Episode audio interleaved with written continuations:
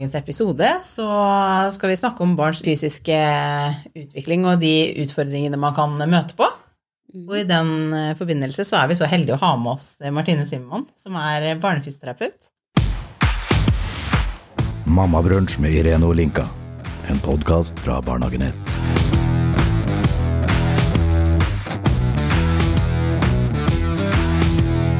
Takk for at jeg får komme. Veldig hyggelig å ha deg med. Ja. Ja. Har du lyst til å fortelle litt om deg selv først, og kanskje hva en barnefysioterapeut er? Absolutt. Jeg heter jo da som sagt Martine. Jeg er utdanna fysioterapeut. Eh, og så har jeg tatt en videreutdanning i fysioterapi for barn og unge, og en del kurs, da. Så derfor kan jeg kalle meg barnefysioterapeut. Og har jobba som det i ni år.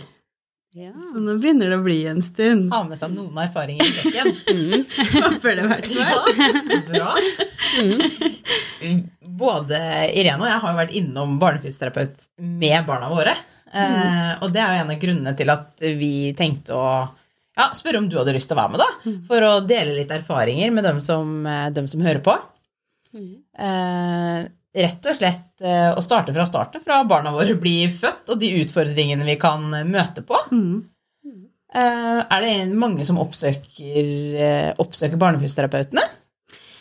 Vi har eh, en del barn inne hos oss på helsestasjon. Eh, Så vi ser eh, mange av barna som er eh, nyfødte. Mm. Det gjør vi. Hva er den vanligste grunnen til at foreldrene oppsøker barnefysioterapeut?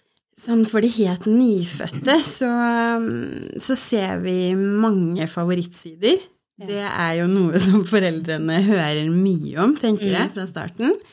Eh, og så ser vi også en del av de barna som kan ha en del uro, være urolige. Um, vi får også noen direkte henvist fra sykehuset etter um, fødsel, og da kan det f.eks. være en fotfeilstilling, da, hvor de har lagt trangt i magen, og så, og så kan foten se litt rar ut, Ja. eh, sånn i starten. Og så, og så ser vi på det, da. Jeg kjenner jo igjen mye av det. Altså Grunnen til at vi var der, var jo eh, fordi han var veldig misfornøyd. Han gråt mye, men han hadde også han, Det var trangt i magen. Eh, jeg har hjerteforma livmor, så det, han hadde ikke så mye plass, og da var bena veldig skeive. Eh, og i tillegg så hadde han refluks, men det visste vi jo ikke helt i starten. Eh, så han hadde jo favorittstilling. Mm. Eh, så jeg kjenner igjen mye av det. Men, eh, så vi ble sendt til barnefysioterapeut. Men er det noe automatikk i det? At man får tilbud om det å være hos barnefysioterapeut? Nei, det er ikke sånn at det er obligatorisk at du får en time hos en barnefysioterapeut når du, når du får et barn. Det er det ikke. Det er nok litt sånn forskjellig fra kommune til kommune hvordan, hvordan de gjør det. Men eh, det har jo kommet noen retningslinjer fra Helsedirektoratet nå om at det skal være en del sånn gruppekonsultasjoner. Så i Sarpsborg kommune, som jeg jobber, så har vi fireukersgrupper som barnefysioterapeut deltar på, da. Og da blir det gitt informasjon eh, i forhold til motorisk utvikling, utstyr, snakke litt om skjermtid, og hvor barnet er på fire uker, da. Mm. Så spennende. Ja, veldig bra, tenker jeg. Ja. For det, det er jo noe alle har nytte av, tenker jeg. Absolutt. Så i andre kommuner så har de kanskje fire månedersgrupper, da, hvor fysioterapeut deltar. Så det, det er litt sånn forskjellig hvordan man gjør det. I forhold til favorittside og sånn, hva er tips og triks der? Eh, når barnet er nyfødt, så klarer jo ikke barnet å ligge med hodet i det vi kaller midtstilling, da. Altså rett på rygg og titte rett fram. Velger jo gjerne en side de ligger til. Så det er jo når de foretrekker én side mer enn den andre. Eh, småbarn, de, følger jo etter lyskilder, lyder i rommet, de hører igjen stemmer, kjente stemmer, ikke sant, og søker jo også mye ansikter, da, når de er små. Så ofte så kan det jo være vi foreldre som har en favorittside, og som kan, kan lage det litt til barnet, da. Ja. Eh, At vi kanskje alltid bærer på den ene siden, vi holder alltid barnet vårt på den armen. En veldig god bevisstgjøring. Ja, faktisk. Jeg kjenner meg veldig igjen der. Det kjente jeg på. Godt tips! Så det, og det det er jo veldig vanskelig å endre måten du bærer et barn på.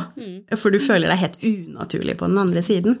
Men da kan man tenke på at når man sitter i sofaen, f.eks., hvor man sitter godt og trygt, så kan man jo prøve å legge på den andre armen istedenfor. da. Mm.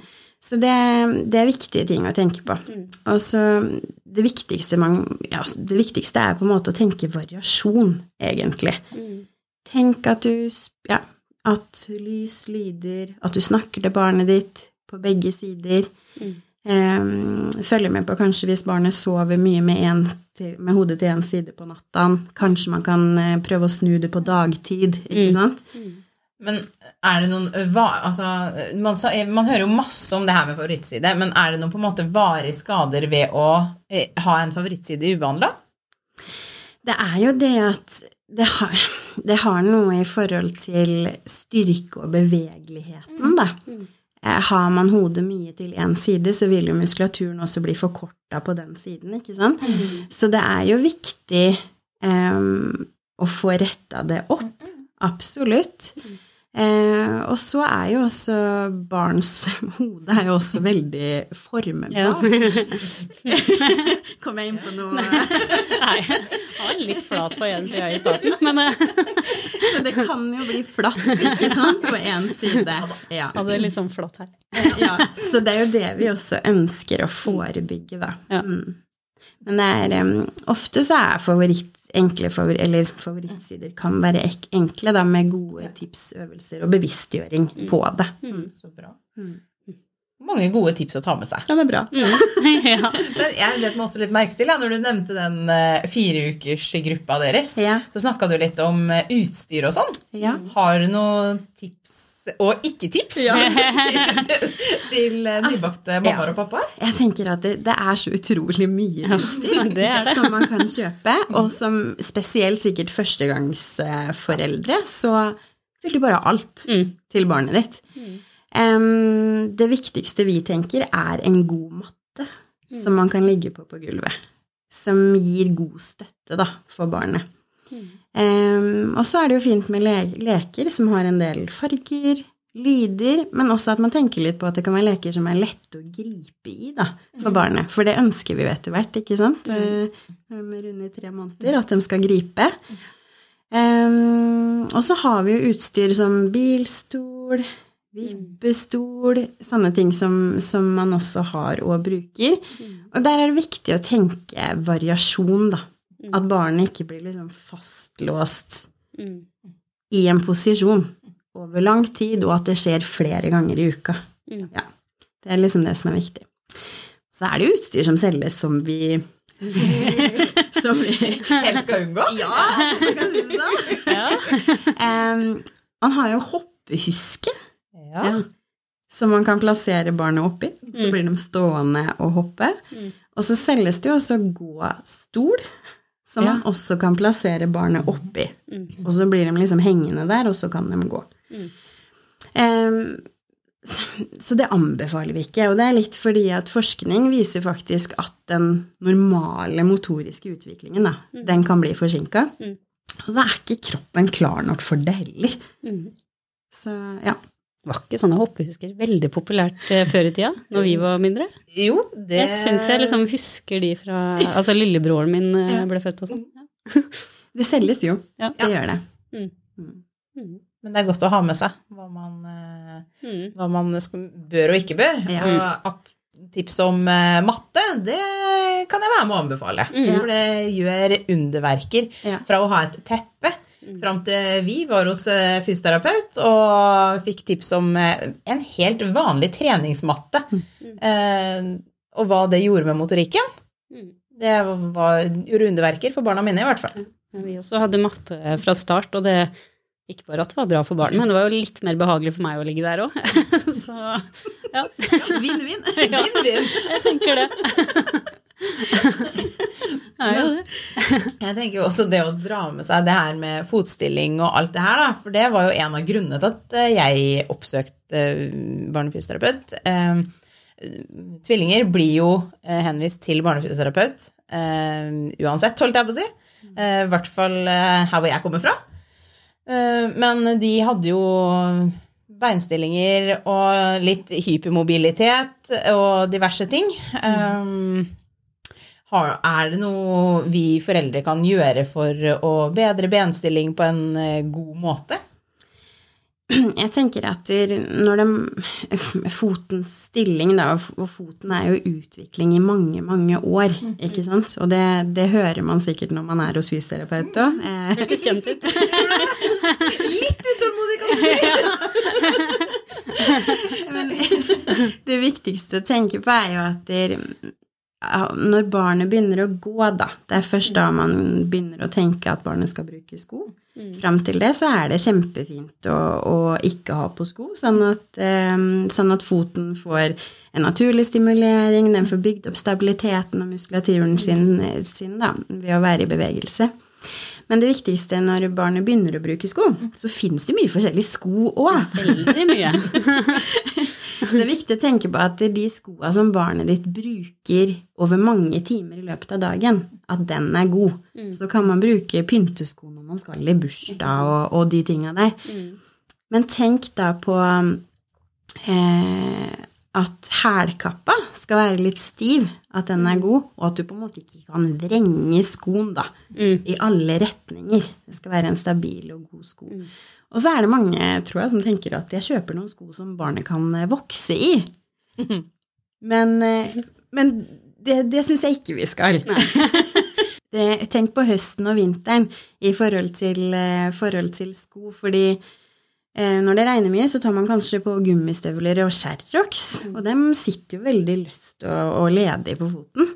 Så, um, så tenk litt på om man kan finne noen eh, andre typer sko som er eh, Gore-Tex-sko for eksempel, ikke sant, som gir en bedre stabilitet. Da. Man ville jo tenkt selv hvis man skulle gått med en eh, sko som satt veldig løst på Ja. foten, hvor vanskelig det ville vært å, å gjennomføre aktiviteter. Og det ser vi jo, i barn, altså for å dra inn barnehageperspektivet litt her, da. Eh, når man jobber i barnehagen. Altså de barna som har gode sko, de leker bedre, beveger seg mer. Eh, kontra de som drasser rundt på gummistøvler eller Sherrox. Ja. Det gir jo mye mer kvalitet i utetiden for barna. Det ser vi jo på våre egne òg. Ja, ja. Når vi er ute hjemme, eller fordi jeg var så heldig å få det tipset. Ja. Eh, og barna mine brukte Gore-Tex-sko til de var to, eh, og litt etter de var to. Først nå, når de har bikka tre, hvor det er gummistøvler og Sherrox. Og jeg ser jo også på han hjemme, da, han er jo to. Hvis han tar på seg Sherrox, så blir han mer skjev i bena igjen. Og Det, ja, det er mye bedre med de skoa som liksom var stramma til og ja, sitter ordentlig. Men jeg tenker også litt på um, Altså i barnehage, da, så skal de jo ha innesko. Er det da joggesko som kanskje er det beste? For nå har jo min tøfler, som man kan bevege litt, og de er ganske myke. Det er kanskje ikke så heldig. det, jeg vil tenke liksom, Det viktigste er på en måte den litt stive hælkappa, tenker jeg.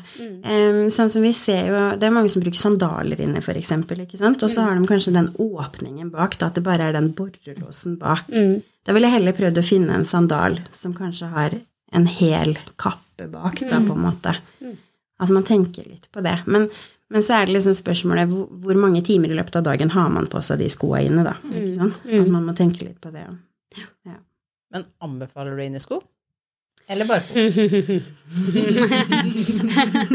Godt spørsmål. um, jeg tenker ja takk, begge deler. En god sko gir jo liksom en god stabilitet, men samtidig det å være barfot da, på forskjellige typer underlag, det styrker jo også stabiliteten rundt ankelleddet vårt. Da. Og det stimulerer også, ikke sant. En god blanding. En god blanding. En god blanding. Ja. Så bra. Men sånn helt på tampen, er det noen sånn tips og triks som vi ikke har vært innom til nyfødte mammaer og pappaer som du vil eh, dele? Jeg tenker ordet variasjon er det som er viktig. Barnet ligger mye på rygg og sover i løpet av dagen når de er små. Så bruk sideleie og mageleie når barnet er våkent. Og så tenker jeg også det er viktig å tenke på ikke sammenlign barnet ditt med andre barn. Barnet utvikler seg i sitt tempo. Det er viktig. Ja. Det har man lett for å gjøre. Ja. Det Jeg kjenner veldig- meg faktisk igjen der òg. For Ja. selv om vi jobber i barnehage og vet at barn er så forskjellige, og de utvikler seg forskjellig, så er det så fort gjort å sammenligne. Det er veldig fort gjort. Jeg har to hjemme som eh, skal være like Som er like gamle. Eh, og som man tenker at liksom skal være nokså likt utvikla, men de er jo ikke det. Nei. Ikke i nærheten engang. Mm, det ene er langt framme på det, og det andre er langt framme på noe annet. Mm. Det er, men det er jo kjempegøy, da. Ja. Så det er jo bare Mm. Det tipset tar vi med oss. Det gjør vi. Ja. Så takker vi Martine for at hun hadde lyst til å komme til oss. Tusen takk for at vi kom med. Ja. Og har dere noe dere har lyst til å spørre om, eller temaer som dere vil at vi skal snakke om, så trykk på abonner-knappen og ta kontakt med oss. Takk for i dag. Takk for i dag. Du har hørt på Mammabrunsj med Irene Olinka. En podkast fra Barnehagenett.